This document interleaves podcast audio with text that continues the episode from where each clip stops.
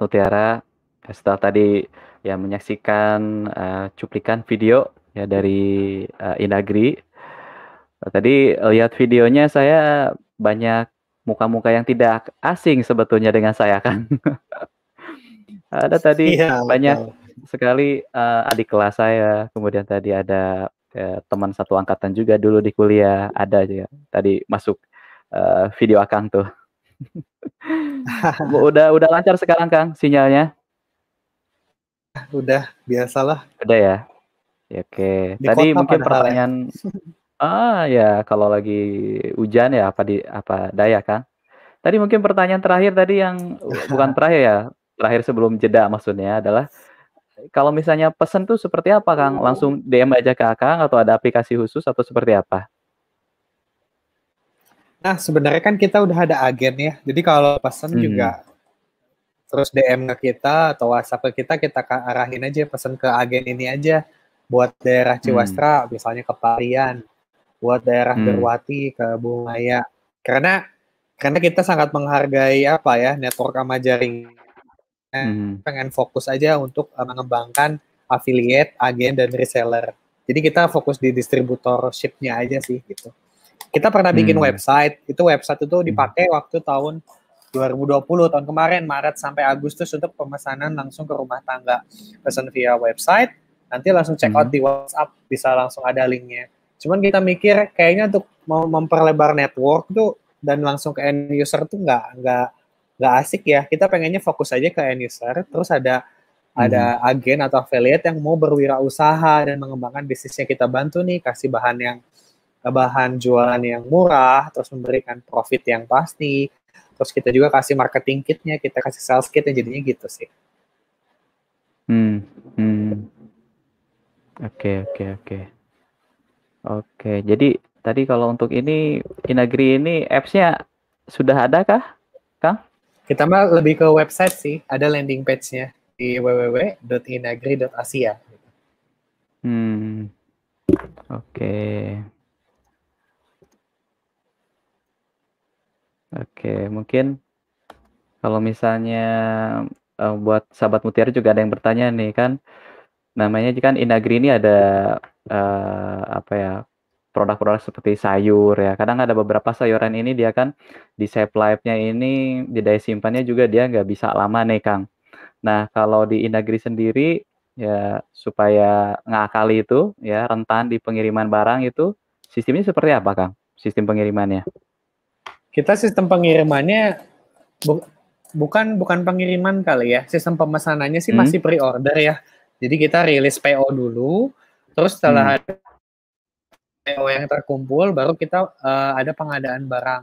Makanya kan lebih lebih ter, ter apa ya, lebih pasti gitu barang yang kita purchase itu udah pasti untuk dari pre-order gitu-gitu sih misal kalau misalnya barangnya benar-benar banjir sih kita distribusikan ke kita punya toko di pasar Kosambi kita juga hmm. kadang buka pasar kaget di CFD Dago atau CFD Bat jadi kalau barangnya banjir ya kita jual ke pasar Kosambi bikin stand khusus di CFD Dago bikin stand khusus di CFD Bubat gitu sih mm -hmm.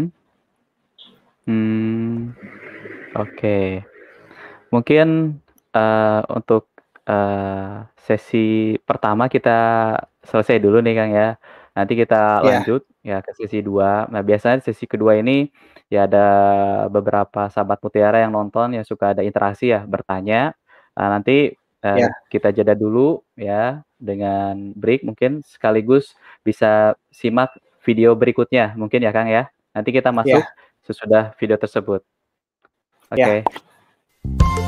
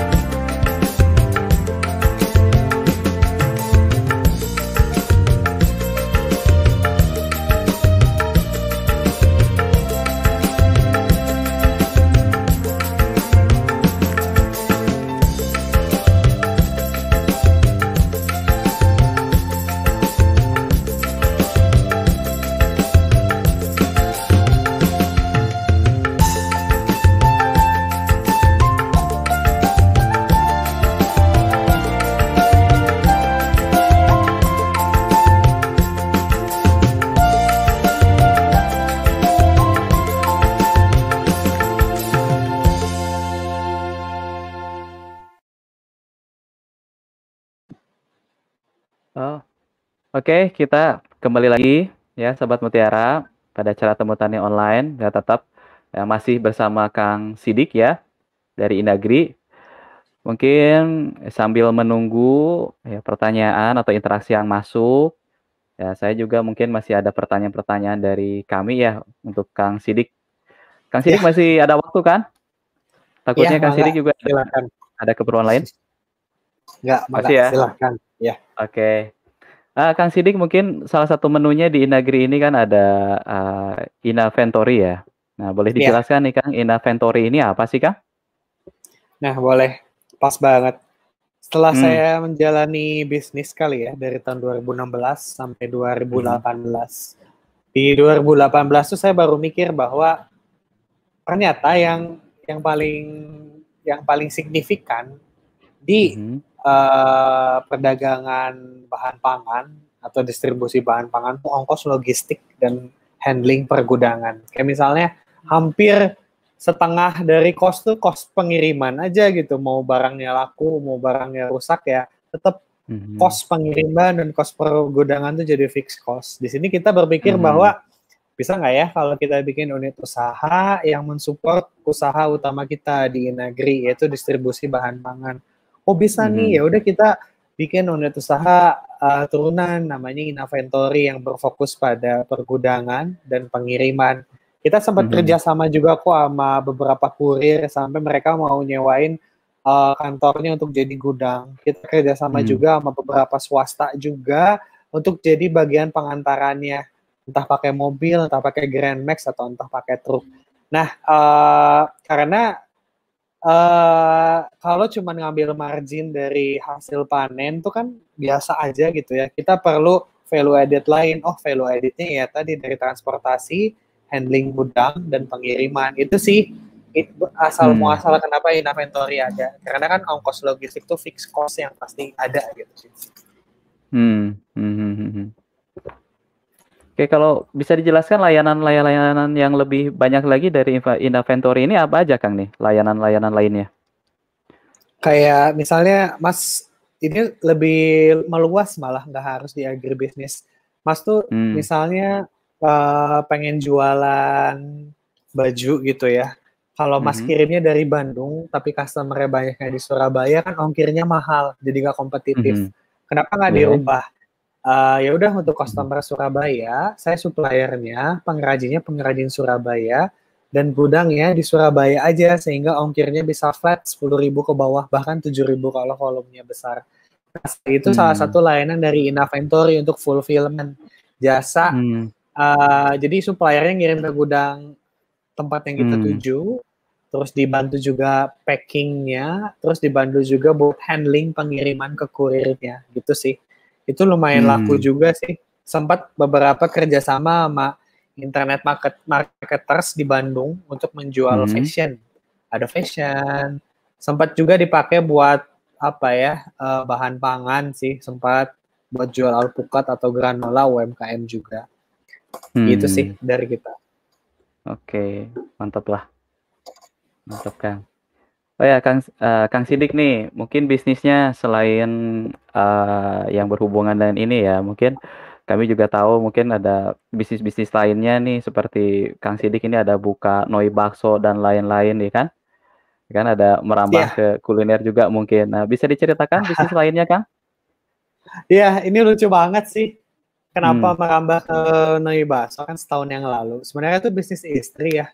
Setahun hmm. yang lalu tuh entah kenapa restoran pada tutup ya karena kaget covid mungkin ya tiba-tiba harus hmm. ada psbb ppkm sehingga sehingga mereka uh, omsetnya juga turun secara gak langsung hmm. juga Inager kehilangan customer karena omset restoran pada turun terus kita mikir apa kita bikin restoran aja ya pada saat pandemik apakah kita hmm. bikin satu gede di ruko segmennya cewek yang emosional suka makan bakso kan covid hmm. itu hanya efek dari COVID kan orang jadi malas jajan ya. Iya, buat cowok cowoknya rada mikir. Kita harus cari market segmen cewek emosional lah, mereka suka seblak, mereka suka bakso, makanya kita pengen punya unit usaha yang customer segmennya cewek. Terus cewek itu sukanya apa? Jajan. Jajannya jajan yang gimana? Yang pedas-pedas, yang pedas-pedas dan segmennya anak muda apa? Bakso aci, kalau nggak seblak ya udah bikin aja bakso aci di sana.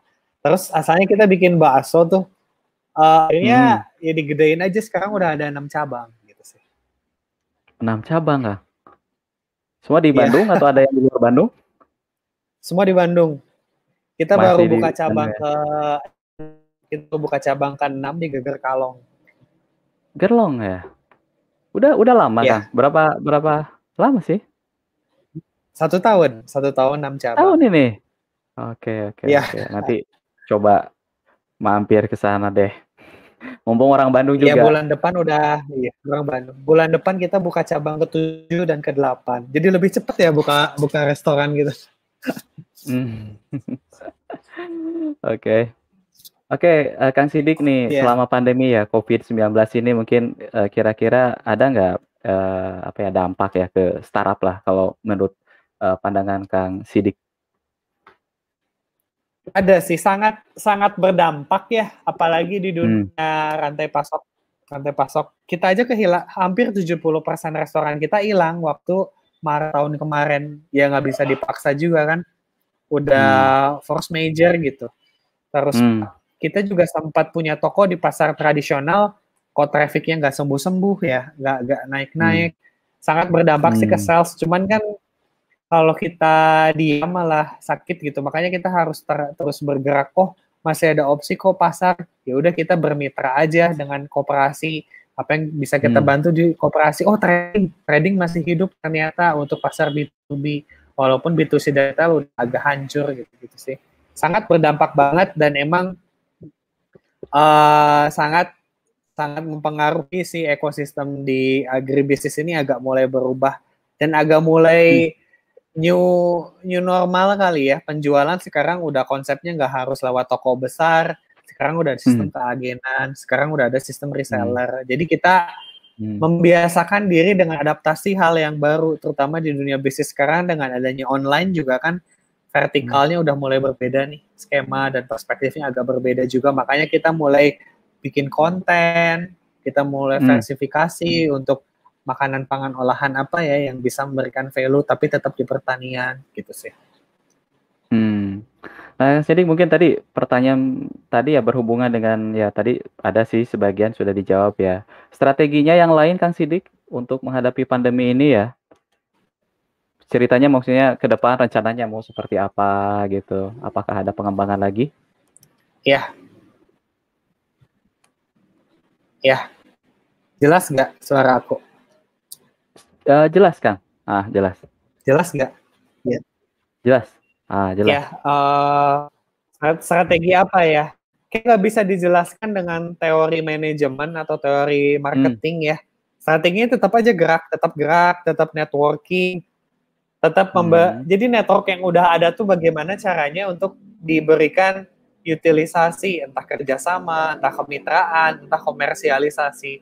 Karena kalau hmm. untuk cari customer baru di era sekarang tuh lebih susah.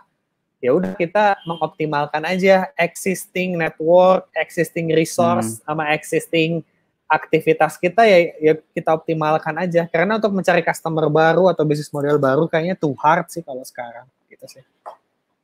Untuk saat ini ya Kang. Tapi ke depan mungkin sudah iya. pandemi yeah. ini mungkin agak memungkinkan mungkin ya. Hmm. Ya, Oke, mungkin Kang Sidik nih, uh, bisa ceritakan sedikit ke sahabat Mutiara ya pengalamannya yang mendapat penghargaan ya pengusaha baru terbaik lah ya tahun 2018 tadi ya dari Provinsi, uh, Jawa Barat?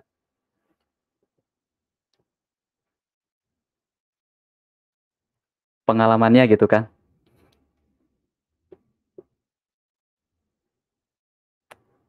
Ada gangguan lagi mungkin ya? Network problem lagi.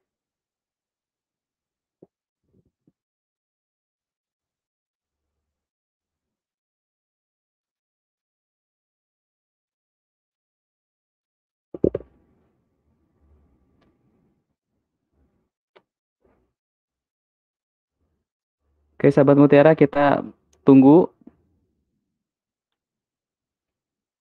Ya memang mungkin buat, eee, beberapa sahabat mutiara yang saat ini menonton, mungkin masih awam ya, apa itu startup, ya dengan bisnis pertanian, eee, model saat ini mungkin masih beberapa yang, eee, petani konvensional mungkin masih awam ya, tapi tadi mungkin tidak menutup kemungkinan ya untuk petani-petani milenial ini mungkin bisa melirik nih bisnis pertanian ya, seperti tadi dijelaskan oleh ya Kang Sidik tadi, ya bahwasanya ya 70% dari UMKM ini ya justru ya berkaitannya dengan pertanian gitu.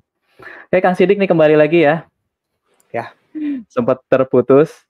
Iya. Oke Kang Sorry Sidik, sorry. mungkin tadi pertanyaan, eee, terakhir sebelum terkena gangguan itu adalah perasaan atau, eee, pengalaman Kang Sidik ketika mendapat penghargaan pengusaha baru terbaik ya dari pemerintah Provinsi Jawa Barat itu gimana nih Kang nih? Malah malah jadi beban moral ya, jadi kayak, anjir kenapa dapat penghargaan ya? Iya. Otomatis kan kita nggak nggak boleh menyerah gitu ya. Masa nih yang Mmm. menang juara tapi dia menyerah, jadinya jadinya ya maju aja gitu. Jadi nggak nggak boleh nggak boleh kalah, nggak boleh nyerah, itu sih yang kerasa dari sekarang. Walaupun sebenarnya kalau nggak dapat penghargaan atau nggak menang juara juga, kita nggak boleh menyerah dan nggak boleh kalah sih, lebih ke arah sana. Terus yang kedua, aku yakin juga semua bisa kok, cuman perspektifnya agak diganti kali ya, eee, nggak Mhm. harus nggak harus bisnis untuk mendapatkan penghargaan, tapi Mhm. cobalah berbisnis supaya mendapatkan nilai komersialisasi, mendapatkan manfaat untuk keluarga Mhm. kita, terus memberikan lapangan pekerjaan, terus memberikan Mhm. opsi alternatif pekerjaan atau opportunity bisnis yang yang sustain, sustainable. Aku lihat sih pertanian itu something yang sustainable ya, dan Mhm. pertanian ini harus digarap dengan manajemen modern, profesional, dan dikelola oleh kolaborasi yang senior dan anak muda, gitu sih aku lihat. Mhm. Iya, setuju sih Kang, dengan poin-poin tadi Kang. Nah ini mungkin terakhir nih Kang nih, ya ada pesan-pesan nih untuk ya pemirsa sahabat mutiara yang saat ini sedang menonton? Ya maksudnya yang pesan Akang terutama mungkin buat, eee, generasi muda ya. Iya, jangan jangan minder sih, jangan minder, jangan malu gitu berbisnis di dunia pertanian. Pede aja, be happy, Mhm. terus ya lakukan bertahap, terus kalau bisa jangan sendiri-sendiri, coba bi coba berkomunitas, coba bikin koperasi ya. Mmm.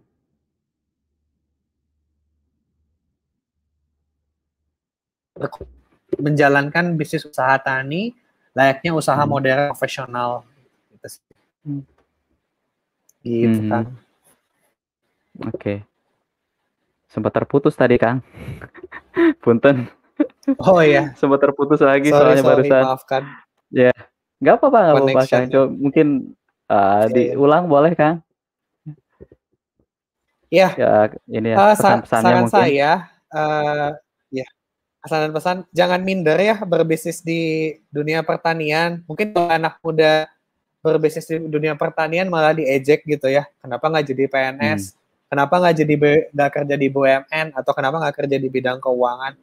Ya be happy aja, Mmm. nggak masalah, ini kan pilihan masing-masing. Terus yang kedua, setelah Mhm. jangan minder, coba, eee, garap dunia pertanian itu dengan manajemen yang lebih modern lah. Jangan manajemen kebiasaannya ini, kebiasaannya itu, kata si A Mhm. gini, kata si A gitu.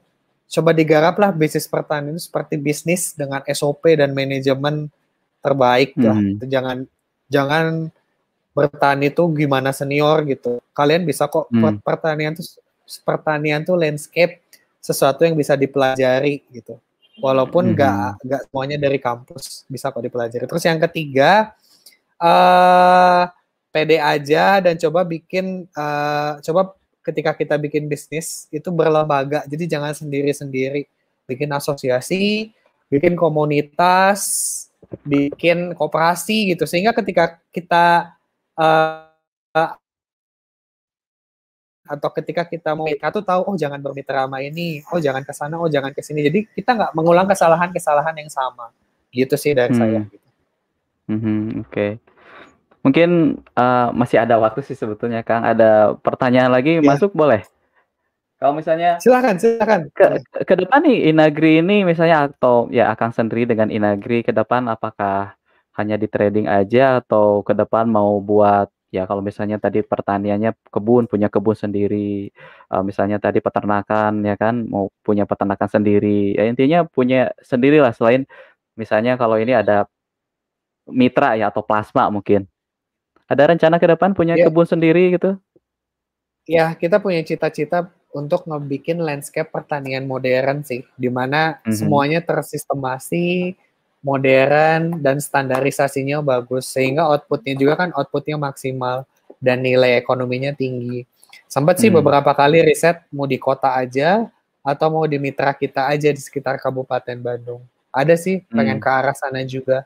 Karena kalau kita mm. cuman trading terus kan uh, sayang gitu ya. Kita harus mm. bikin uh, usaha turunan yang memiliki support ke usaha utama. Salah satunya kan budidaya dan pembinaan. Tapi budidayanya kalau bisa jangan jangan biasa aja, harus punya nilai teknologinya, harus punya nilai inovasinya, dan outputnya hmm. juga harus memiliki nilai ekonomi yang tinggi gitu. Hmm. Hmm. hmm, hmm, hmm. Oke, ada ya rencana ke depan ya. Ya. Tapi berdasarkan misalnya, uh, rencana, uh, atau misalnya dari beberapa tahun ini ya, kalau menurut, uh, Kang Sidik sendiri nih, Inagri ini kalau diporsikan gitu ya, dari misalnya dari total 100% ini, misalnya 60% di pertanian, 40% di hasil ternak, atau seperti apa pembagiannya, Kang? Atau apa aja yang penting ada nilai lebih atau nilai bisnis gitu menurut, uh, Kang Sidik? Bahkan sekarang tuh karena adanya COVID tuh strategi hmm. pembagian gitu nggak valid ya ke kita gitu. kita lebih ke ya. arah yeah. yang yang penting uh, nilai ekonominya tetap jalan dan tetap mendukung di bidang pangan itu sih yang kita utamakan sekarang gitu. Hmm. Makanya kita garap ya, ya, makanya kita garap ternak juga. Oh nggak apa-apa ternak, soalnya ternaknya di mitra petani kita. Jadi petaninya kalau nggak lagi ada hmm. panen atau pembayarannya belum ada dari trading, atau dari hmm. budidaya hmm. bisa ternak kambing dulu. Jadinya lebih ke arah sana sih. Cross selling hmm. lah ya, kolaborasi aja. Intinya kolaborasi di bidang pangan yang memberikan impact secara komersil gitu sih. Hmm. Oke, okay, paham paham Kang.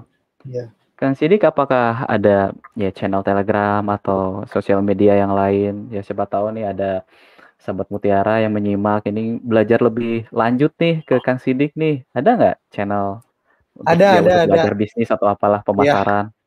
ada. Cek aja, ada. Cek aja di Instagram @shiddqiazis. Biasanya di Instagram oh, aku share share share share ini sih beberapa materi mengenai pemasaran, perdagangan, mm -hmm. dan bisnis mm -hmm. model. Aku coba bahasakan mm -hmm. dengan bahasa yang sederhana sih. Semoga bisa jadi ilmu yang bermanfaat gitu sih dari aku. Oke, oke Kang ya. Nanti jelas. Jadi pokoknya S di Instagramnya di S H I D D I Q A Z I S A Z ya. Ya. Oke. Nanti kita mungkin tulis juga di kolom komentar. Siapa tahu kan sahabat Mutiara ada yang pengen belajar bisnis, pengen belajar marketing, ya ilmunya Kang Sidi kan namanya ilmu kan kalau dibagikan juga mungkin akan lebih uh, nambah ke akangnya nanti ya. Iya, alhamdulillah. Iya, mungkin uh, sekian aja mungkin Kang Sidik ya. Uh, ya. Atas ya terima kasih banyak nih atas waktunya. Ya udah bersedia ya menemani kami pada acara temu tani online ya mudah-mudahan ya apa yang disampaikan oleh Kang Sidik ini bisa ada manfaatnya bagi yang menyimak ya dan mudah-mudahan juga bisa menjadi inspirasi ya terutama bagi generasi muda ya ya supaya bisa uh, tertarik ya terjun ya di dunia pertanian gitu. Nah, sahabat Mutiara, ya sebelum uh, kami akhiri temu tani online kali ini, ya mungkin ada beberapa uh, kesimpulan yang bisa kita tarik ya pada kesempatan kali ini. Ya intinya dari pemaparan Kang Sidik yang namanya bisnis pertanian itu memang cukup uh, besar ya insan yang akan uh, berkecimplung di dalamnya. Jadi akan sangat banyak orang yang benar-benar uh, tergantung pada bisnis pertanian ini ya. Nah, dari pemaparan Kang Sidi kan dari 70% UMKM malah kebanyakannya adalah dari sektor pertanian. Nah, bagi sahabat uh, Mutiara, terutama generasi muda yang mudah-mudahan ya Kang Sidik ini bisa menjadi salah satu inspirasi supaya bisa ya bergerak uh, maju ke depan ya memajukan uh, pertanian di Indonesia.